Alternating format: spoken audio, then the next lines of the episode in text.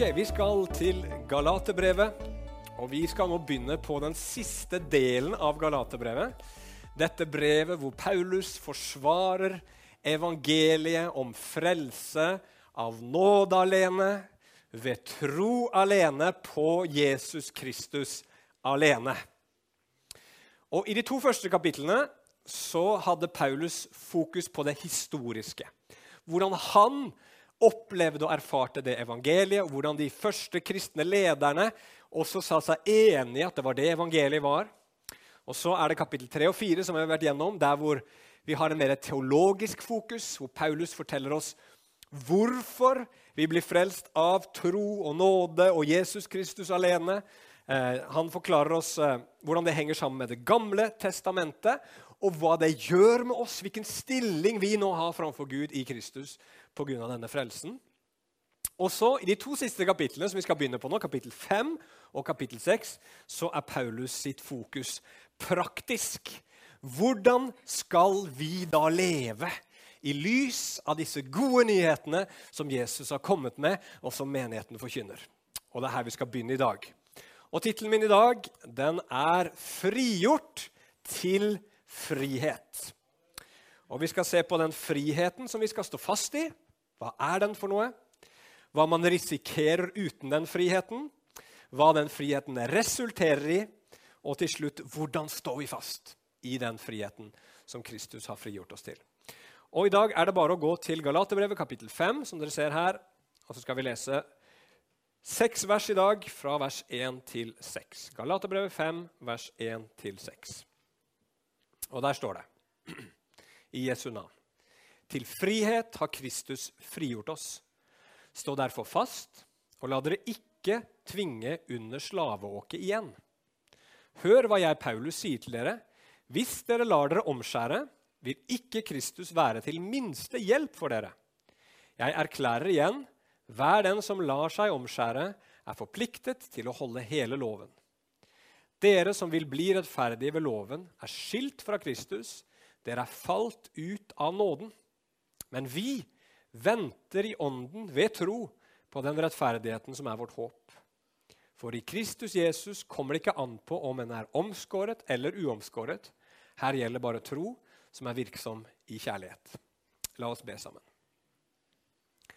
Kjære himmelske Far, takk at vi kan få lov å komme sammen igjen her nå på Betel og lytte til ditt dyrebare, levende og kraftfulle ord. Herre, du sier jeg har brukt denne uka på å forberede meg og søke deg, Herre, og, og, og, og gjøre mitt beste for å, for å, forstå og kunne legge det fram. Men Herre, jeg vet at jeg er så avhengig av deg. Vi er så avhengig av deg alle sammen, Herre. Vi er avhengig av deg akkurat nå. At du gjør dette forståelig for hjertene våre. At du hjelper oss å knytte dette sammen med troen. At du hjelper oss til å gi rom for ditt ord i våre liv. Og at du, Herre, bare lar det få få, få slå dype røtter i våre liv og bære mye frukt. Herre, kom Hellige Ånd, hjelp meg og hjelp alle oss som lytter til ditt ord akkurat nå. Så det kan få gjøre det det blir sendt til, Herre. I Jesu navn vi ber. Amen. Da begynner vi med punkt nummer én friheten vi skal stå fast i. Så Paulus han begynner i dette her praktiske den praktiske delen av brevet sitt med å slå fast at Jesus vil at du og jeg skal være frie. Han har frigjort oss, frigjort oss til frihet. Ikke bare vil han gjøre oss fri, men han vil at vi skal forbli fri. Og det gjør vi ved å stå fast i den friheten som vi har fått. Men med en gang vi hører det ordet der, frihet, så bør det dukke opp et spørsmål. Hva mener Paulus med det? Hva mener Paulus med frihet? Det fins mange måter å tenke om ordet frihet på. Det fins mange definisjoner på det ordet. Og så er spørsmålet er den måten vi definerer frihet på, den samme som Bibelen og Paulus definerer frihet. Så La oss begynne med å tenke litt. Hva tenker du på? Hva assosierer du med ordet frihet? Hvilke bilder kommer opp i ditt hode når du hører det ordet der? Kanskje tenker du på en person som har vært i fengsel, og som slipper ut, endelig kan få se sola igjen og kjenne vinden blåse i ansiktet. Kanskje er det noen som tenker på frihet som det å kunne være i båt og ha all mulig frihet til å reise akkurat der hvor du vil. Eller sånn som mange pensjonister gjør i dag, ha campingbil. Kan liksom bare sette deg inn, og så ligger Norge åpent for deg. i hvert fall i disse dager. Før i tiden var det jo sånn at du kunne reise i hele Europa. Er det det du tenker på når du hører frihet? I hvert fall er det sånn at Vår tids definisjon av frihet ofte er knytta til en oppfatning av frihet som frihet fra ytre begrensninger og frihet til å kunne gjøre som du selv vil. Det er det ofte mennesker tenker på når de tenker på frihet. Så Det kan for innebære at du tenker på frihet som det å være uavhengig av alle andre. Økonomisk uavhengig og kanskje også følelsesmessig uavhengig. Jeg er fri fordi jeg trenger ingen. Jeg trenger ingen i livet mitt. Det er en type frihet som er ganske vanlig akkurat nå. Noen kan tenke på frihet som det å ikke ha noen regler eller rammer å forholde seg til. Ingen kan fortelle meg hvordan jeg skal leve og hvordan jeg skal tenke. Jeg er fri til å leve som jeg vil. Jeg er min egen herre. Det er mange som tenker om frihet sånn som, som dette her i dag. Er det ikke det? Dette her er det jeg vil kalle for en egoistisk frihet. Det er friheten til å kunne følge sine egne lyster, kunne følge sine egne drømmer uten å måtte ta hensyn til alle andre. Men det er ikke en så veldig god frihet. For det er en type frihet som vil skade ganske an mange andre mennesker rundt deg. Du vil komme på kollisjonskurs med andres drømmer og lyster. Og I tillegg så, så er det en frihet som kommer til å gjøre deg ganske ensom. Det er ønsket om uavhengighet det fører veldig ofte til ensomhet. Eh, og det er en frihet som ikke tar hensyn til hva som er rett og hva som er galt, og hvordan den verden her i det hele tatt henger sammen. Og til syvende og sist så vil jeg sagt at Den typen frihet som mange tenker om frihet i dag, er en frihet hvor man egentlig sier 'jeg vil være min egen'. Jeg vil, jeg vil være Gud. Jeg vil at mine behov skal være viktigst. At det jeg bestemmer, det skal gjelde mer enn hva alle andre tenker og mener. Og alle som kommer i min vei, de må komme seg unna. Det er litt den type frihet som som, som, som verden tenker akkurat nå. Er det det Paulus mener? Er det det Paulus mener når han sier frihet? Nei, på ingen måte. Paulus, når han sier 'til frihet har Kristus frigjort dere', så sier han ikke 'Jesus gjorde dere fri', så at dere kan tenke og mene og handle akkurat sånn som dere vil'. Ikke la noen komme og fortelle deg hva som er rett og galt, hva du kan eller ikke kan gjøre. Nei, stå fast på dine rettigheter. Det er ikke på noen som helst måte det Paulus sier, og det er ikke det heller Bibelen sier. Paulus han har en annen frihet i tankene, og som jeg håper vi skal få lov å se i dag. En frihet som er så utrolig mye bedre enn den friheten som verden snakker om akkurat nå. Den friheten som Jesus har kjøpt for oss.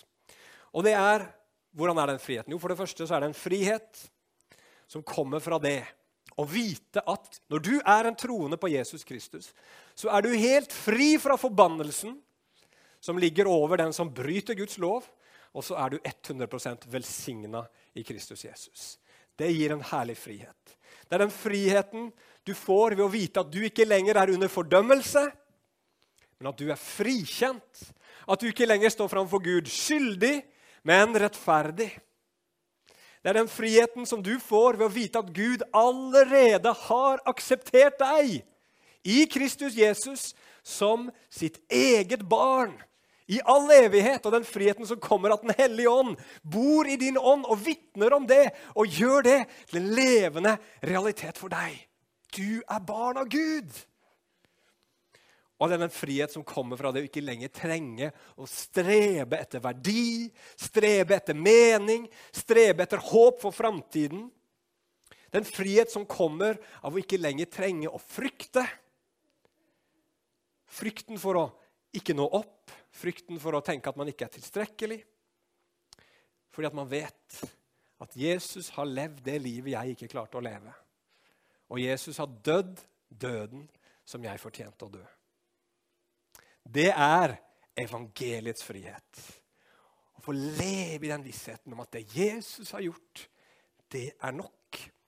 Det holder. Jeg har alt jeg trenger i Kristus. Jeg kan ikke legge noe til eller trekke noe fra. Og her sier Paulus her må vi stå fast. Og så kan vi tenke, men Hvorfor sier Paulus det? Dette her er jo så gode nyheter. Hvorfor skulle noen liksom si nei til det her? Eller liksom komme vekk fra det der? Er det mulig? Når du får så gode nyheter, og så rote deg vekk. Er ikke det det vi alle sammen ønsker å tro? At alt er ok? Men så viser det seg at det er fort gjort, det er fort gjort at det blir en kamp å holde seg til dette rene evangeliet. Hvorfor det? Jo, for det første fordi at du og jeg har en samvittighet inni oss som stadig vekk leder oss bort, eller kan lede oss bort fra evangeliet. Hva mener jeg med det? Jo, når du synder i kristenlivet, og det har du gjort, og det kommer du til å gjøre, så kjenner du både på skyld og på skam. Og hva gjør man med den følelsen da?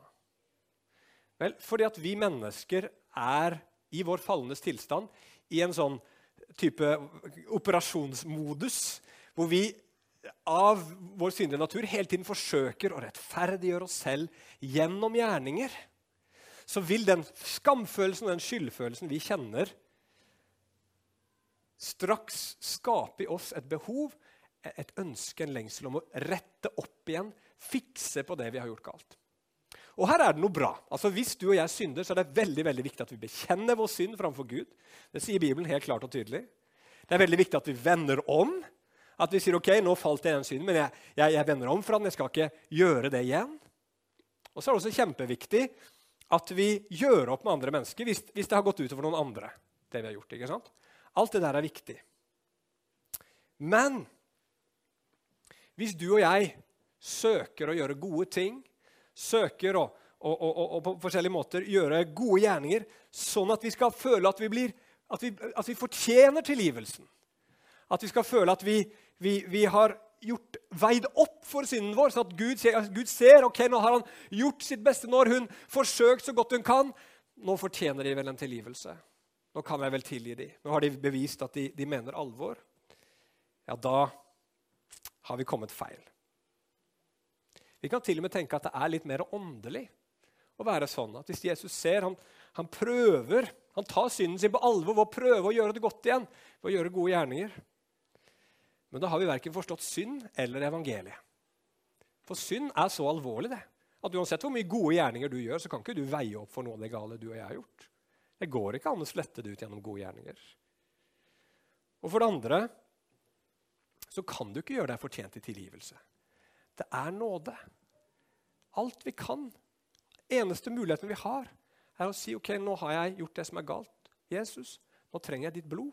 Nå trenger jeg din nåde. Jeg har ingenting annet for å kunne få rensa meg selv med framfor deg, Gud. Så den dårlige samvittigheten, som er veldig god i det at den kan lede oss til å bekjenne syndene våre, må ikke lede oss til å prøve å veie opp for det gale vi har gjort, og tenke at nå fortjener jeg tilgivelse. Er dere med på tanken? Nummer to her sosialt press. Det er Noen som, tenker, som mener at galaterne grunnen til at de ville bli jøder og omskjære seg, alt dette her, det var fordi at nå som de hadde blitt kristne, så havna de liksom i litt sånn ingenmannsland i samfunnet sitt. Eh, det å være en hedning det betydde at de hadde en del fester som foregikk ved jevne mellomrom, og de hadde en akseptert status i samfunnet. Når du ble en kristen, så mista du Nå kunne du ikke lenger være med på alle de festene alle andre var med på. Og så fikk du en veldig dårlig merkelapp egentlig i samfunnet. Kristne i de første eh, århundrene i Romerriket ble kalt for kannibaler og eh, ateister. Alt som var forferdelig. For de, var, de var ateister fordi de trodde ikke på alle de gudene som romerne trodde på. Så det var ikke så bra. Så hvis de da ble jøder, så ville de igjen få en del fester de kunne feire, og få en respektert identitet. Det sosiale presset gjorde at de søkte tilbake til denne gjerningsreligionen. Og du og jeg vi kan også pga. sosialt press gå på kompromiss med evangeliet. Blande inn andre ting enn Jesus. Det fins et veldig press når det gjelder dette med politisk korrekthet, f.eks. Og spørsmålet er kan vi si, kan vi stå fast på det, at evangeliet er nok? Sånn at du er min bror, du er min søster. Vi kan ha åndelig fellesskap om du holder med Joe Biden eller Donald Trump. det har ikke noe å si. Om du er klimaaktivist eller om du er klimaskeptiker, så er vi allikevel brødre og søstre i Kristus. Dette her er ikke noe vi sier dette må du også gjøre hvis du skal være en ekte bror og søster for meg. Kan vi som kristne ta imot mennesker med åpne armer som har vendt om? Vendt om fra sosialt uakseptable synder, som f.eks. underslag eller overgrep, Det betyr ikke at vi skal gi dem tillit, men at vi gir dem kjærlighet og tar imot dem med åpne armer. Skal det være sånn? Er evangeliet så sterkt at sånne typer mennesker også kan tas imot i vår forsamling og inkluderes fullt og helt i våre fellesskap? Da vil verden rundt oss, som tror på rettferdiggjørelse av gjerninger, nok rynke litt på nesa og blir sjokkert. Sånne mennesker? Hæ? Aksepterer dere sånne mennesker iblant dere? Men det er fordi vi tror på evangeliet, som favner alle. Enda en ting som kan føre oss ut av den friheten, det kan være lengselen etter noe mer. Og Dette her kan også være noe som gjaldt galaterne. I, i kapittel 3 så, så snakka Paulus om at ånden Hvordan fikk de ånden? Jo, de fikk ånden ved tro, ikke ved gjerninger. Men her virker det som disse galaterne tenkte at hvis de bare kom inn i Det gamle testamentets lov og fulgte lovene og budene osv., så, videre, så ville de få mer av Gud. Så ville det bli mer kraft, så ville det bli mer vekkelse eller et eller annet sånt. Men Paulus minner ham om at det er av tro alene. Og det kan bli sånn i våre sammenhenger at prekener kan handle om bare du følger disse tre stegene, så skal Gud velsigne deg. Så kommer det vekkelse. Så vil Gud la deg lykkes. Og det er klart, Der må vi holde tunga rett i munnen, for det fins ting du kan gjøre som faktisk gjør en forskjell. Det er ikke sånn at vi ikke skal gjøre noen ting, og så kommer alt sammen. Hvis du vil komme nærmere Gud, det er klart du må være sammen, bruke tid i Bibelen. Hvis du vil kjenne Gud bedre, så må du be. Men det er ikke fordi Gud sitter der oppe og sier ok, har han bedt nok. ja vel, da skal jeg slippe ned en velsignelse. Det er bare noe som naturlig henger sammen. Hvis jeg bruker mer tid med kona mi, så kjenner jeg henne bedre. Det er ikke en belønning, det er bare en realitet. Men med en gang vårt håp gjennom sånne ting vi legger til. Du må gjøre sånn og sånn og sånn. Vårt håp dermed blir knytta til vår egen innsats. Hvis jeg bare har gjort disse tingene, så skal det nok skje et eller annet. Istedenfor å være knytta ene og alene til Jesus. Da er det fare på ferde. Så vi trenger å stå fast kjære brødre og søstre, i den friheten som kommer av at vi tror at vår frelse er av nåde alene, ved tro alene, på Jesus Kristus alene. Og hva risikerer vi hvis vi kommer bort ifra den? Hva står på spill? Og Her blir Paulus igjen gravalvorlig. Han var gravalvorlig i begynnelsen av brevet og gjentok det samme to ganger. Og her også gjentar Paulus advarselen sin. Disse eh, galaterne var under innflytelse fra jødiske kristne som ville få dem inn under Moseloven igjen. De skulle omskjære seg og begynne å følge Moseloven i tillegg til å tro på Jesus. Og sa dette her er enda bedre. Hva sier Paulus til dem da? Jo, han sier hvis dere gjør det, hvis dere lar dere omskjære og går inn i det her, så kommer ikke Jesus til å være til noen hjelp for dere. Dere må holde hver eneste punkt og prikke i Moseloven. Og dere er skilt fra Kristus, og dere har kommet ut av nåden, sier han. Wow. Det er ganske kraftige ord. Nå er det bare litt viktig å si her at det er ikke omskjærelse i seg selv som er problemet. Faktisk så omskjærer jo eh, Paulus selv Timoteus i Apostlenes gjerninger 16. Fordi at Hans mor var jødisk, og de skulle drive med evangelisering blant jøder.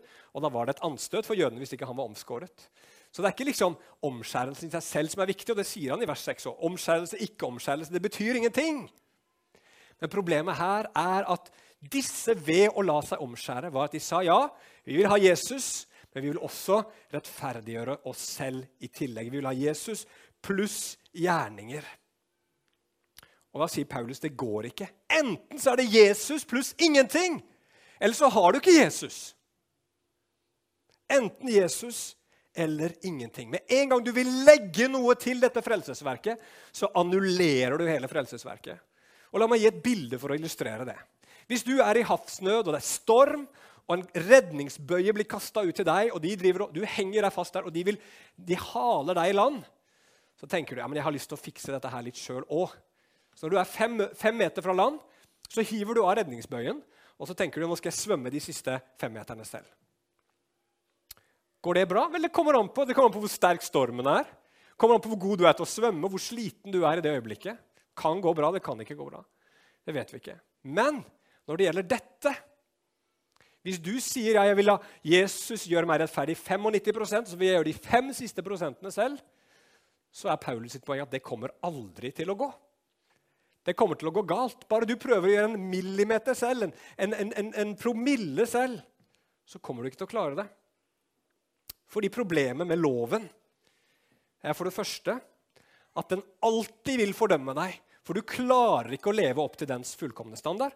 Så det er det første som skjer. Loven vil bare treffe deg i hodet med en gang du sier nå skal jeg prøve å bli god nok for Gud. Så bare boom, kommer loven som en hammer og så viser at det klarer ikke du. For det er lovens hensikt og funksjon. Og I tillegg har Paulus vist oss gjennom Galaterbrevet at loven har en tendens til å gjøre oss verre enn det vi var i utgangspunktet. faktisk. Fordi loven gjør deg mer selvopptatt. Plutselig tenker du mer på deg selv. Loven den skitner til, om man kan si det sånn, dine gode gjerninger ved å få alle dine gode gjerninger til syvende og sist å handle om deg selv. Jeg hjelper deg fordi jeg vil til himmelen. Skjønner dere? Loven vekker stolthet, loven vekker selvopphøyelse. Loven flytter din tillit fra Gud over til deg selv. Og loven gjør ofte også Gud til et middel til et mål. For hvorfor holder du loven? Jo, for du vil at Gud skal velsigne deg, sånn at du får de tingene du har lyst på.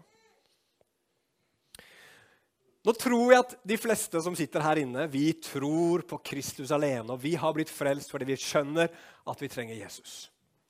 Og det er bare han som kan frelse oss. Det må du forstå når du når du, når, du, når du, blir frelst. Det er det som er hele greia. Men det er likevel fort gjort for oss som er frelst, tro på Jesus, allikevel å falle inn i en form for gjerningsreligion, og så høste de negative fruktene som kommer av det, og miste de velsignelsene som kommer av å leve et liv i tro alene. For, for eksempel, hvorfor er vi så redde så ofte? Hvis det er noen som ikke er redde fra tid til annen her inne, bekymrer seg, så kan de rekke opp en hånd. Alle sammen er vi det. Hvorfor er vi det? Vi som er barn, vi som tror at vi er barn av en god og allmektig far, hvorfor er vi redde da? Hvis Gud er god og allmektig, hva har vi da å frykte? Han vil oss godt, og han kan alt. Trenger vi være redde da? Men det fins allikevel så mye usikkerhet fordi vi lurer hele tiden på er jeg god nok. Visste Gud helt hva han gjorde da han ga meg nåde? Visste han hvem jeg egentlig var? Var det sånn at Gud egentlig hadde tenkt nåden fram til i dag og til denne synden? Men så, ikke, så vil ikke Gud være med lenger. Er det sånn han er? Vi tviler så ofte på Guds betingelsesløse godhet imot oss.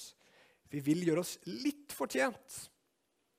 Men da kommer frykten sigende, og så blir vi litt sånn som verden er. Selv om vi er på vei til en trygg evighet med Gud. Men la oss fokusere på den positive siden. Altså, hvis du lever i evangeliet istedenfor, hvis du står fast i Kristi frihet, hva resulterer det i?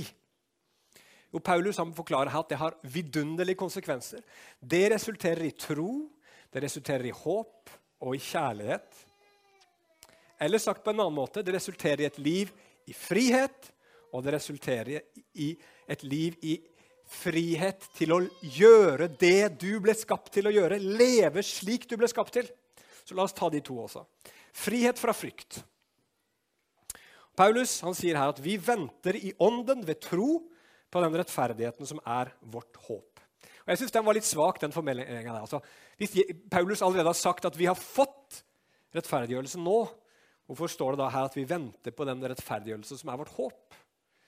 Eh, men det fins en annen oversettelse, 88-oversettelsen, som sier det mye bedre. Den sier For i ånden venter vi ved tro på det som rettferdigheten gir oss håp om. Så den rettferdigheten vi allerede eier, gir oss håp om noe. Hva vil det si? Jo, det betyr at fordi jeg vet, ved tro, ved Den hellige ånds hjelp at jeg er rettferdig akkurat nå, så håper jeg på at jeg en dag skal få stå opp sammen med Jesus. Og det Ordet 'håp' i Bibelen det er mye sterkere enn vi har det på norsk. Det betyr 'forventer'. Fordi at jeg har blitt rettferdig nå, så forventer jeg at en dag så skal jeg stå opp med Kristus, og så skal jeg leve for alltid sammen med Gud.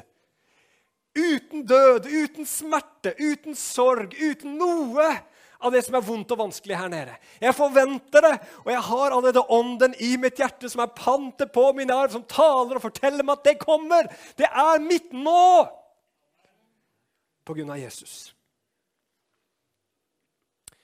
Hva slags frihet gir ikke det oss i våre liv, hvis vi kan gå rundt med den overbevisningen, bære den i våre hjerter? Jeg blir så imponert over hvordan Jesus møtte disse her fariseerne og religiøse lederne og, og, og romerske eh, eh, offiserene og, og, lederne også. Han, han, hadde is i magen hele veien. Ser dere, Jesus er steintøff, full av kjærlighet, men, men han lar seg liksom ikke eh, vippe av pinnen av noen. Han er så trygg. For han visste hvem han var. Og han visste hva som lå i hans fremtid, og hvor han var på vei. Og mye av den frykten og den uroen vi går og kjenner på, den gjør at vi blir styrt av andres forventninger. Vi lever ikke frie liv da. Vi lever ikke frie liv når vi prøver å få de som er viktige for oss, til å like oss. Da er vi heller ikke frie. Da gjør vi ikke alltid sånn som vi ellers ville ha gjort. Vi gjør ting for at de skal like oss. Vi blir ikke frie hvis vi prøver å passe inn til enhver pris. Vi blir ikke fri hvis vi veldig gjerne vil ha et godt rykte. Alle disse tingene her gjør at det blir mye frykt og lite frihet. Men hvis du og jeg kan stå fast i denne dimensjonen av evangeliet, at den rettferdighet jeg eier nå, som Ånden vitner om, den forteller meg at alt er i orden med Gud, alt kommer til å gå bra. Og jeg trenger ikke alle disse bekreftelsene. Jeg trenger ikke at mennesker sier ditt eller datt om meg. Jeg er helt fri, for Gud har sagt at jeg er hans barn. Det gir frihet. Det er en del av evangeliets frihet. Og så er det også det fantastiske nummer to her under dette punktet at dette her fører til frihet til å leve sånn som du ble skapt til. Og Hvordan ble du skapt til å leve? Jo, Paulus sier det her. Du ble skapt til å leve i tro, virksom i kjærlighet. Frihet, det er frihet til å leve sånn som Gud skapte deg til å leve.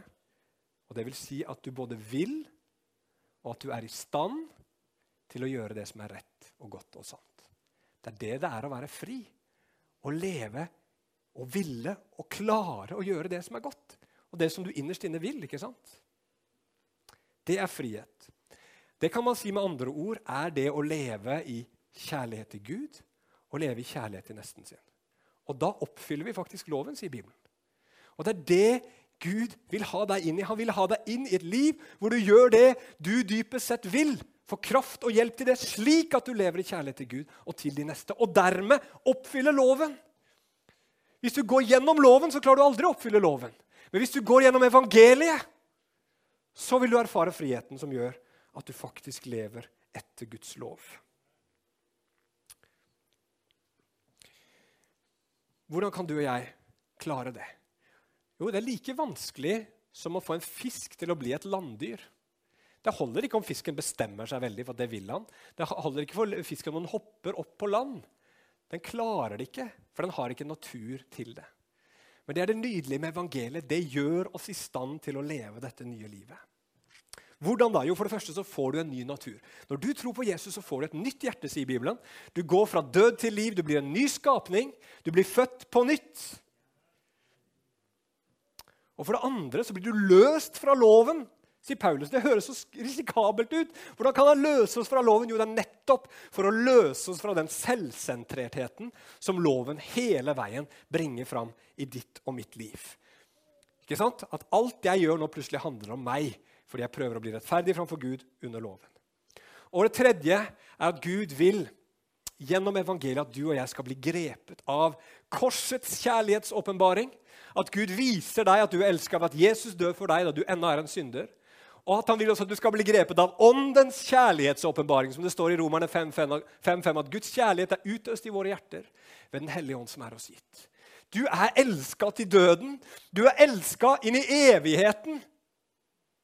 Du er elska til døden ved at Gud i Jesus Kristus ga sitt liv for deg. Og du er elska i evigheten ved at Den hellige ånd har kommet inn i ditt hjerte og skal bo der til evig tid.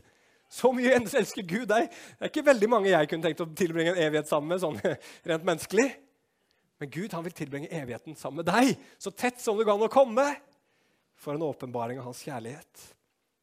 Og Der ligger friheten til å få blikket bort fra deg selv og over på Gud, som er så god at han gjør dette for deg og for meg og for hvert eneste menneske som vil ta imot.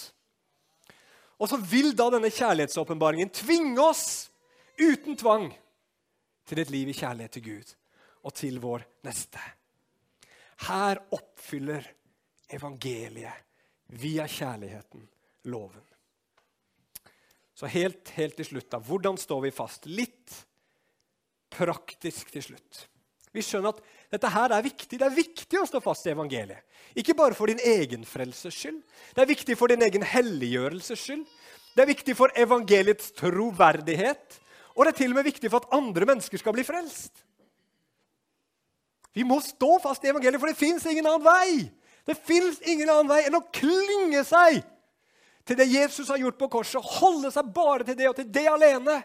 Det er der det ligger. Det er det vi må komme inn i.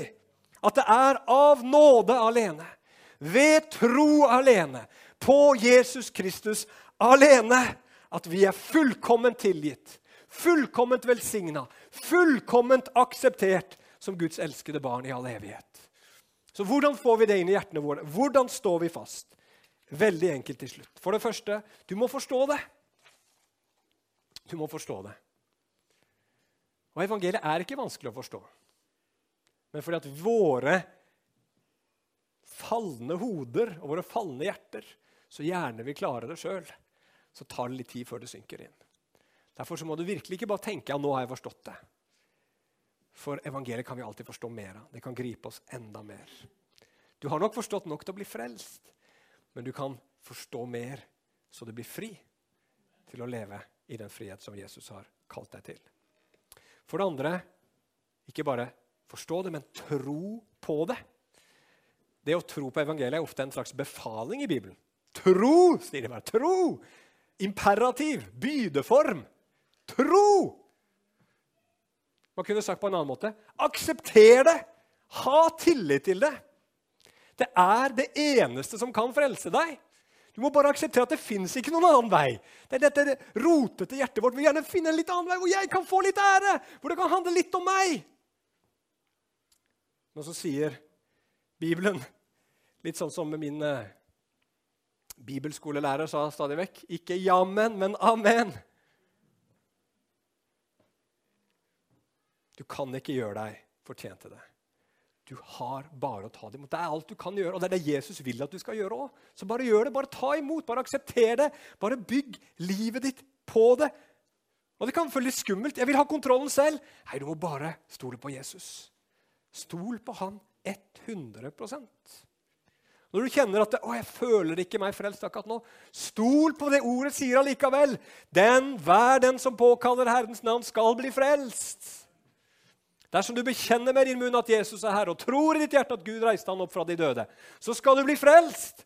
Bare stol på at det holder. Du trenger ikke ha en bestemt følelse i et bestemt øyeblikk for at det skal være gyldig. Du har valgt troen. Du har bestemt deg for at Jesus er nok for deg. Da er du frelst. Og så syng, lytt til det, lovpris Gud for det. Det kan være litt evangeliefattig noen ganger i en del både forkynnelse og kristen musikk og undervisning. Det kan være mye nyttig i det, men noen ganger kan det bli litt evangeliefattig. Og Skal vi vokse med Jesus, så trenger vi rikere kost enn som så. Så vi trenger en daglig dose med evangelievitaminer. Gjør vi ikke det? Så sørg for at du får den.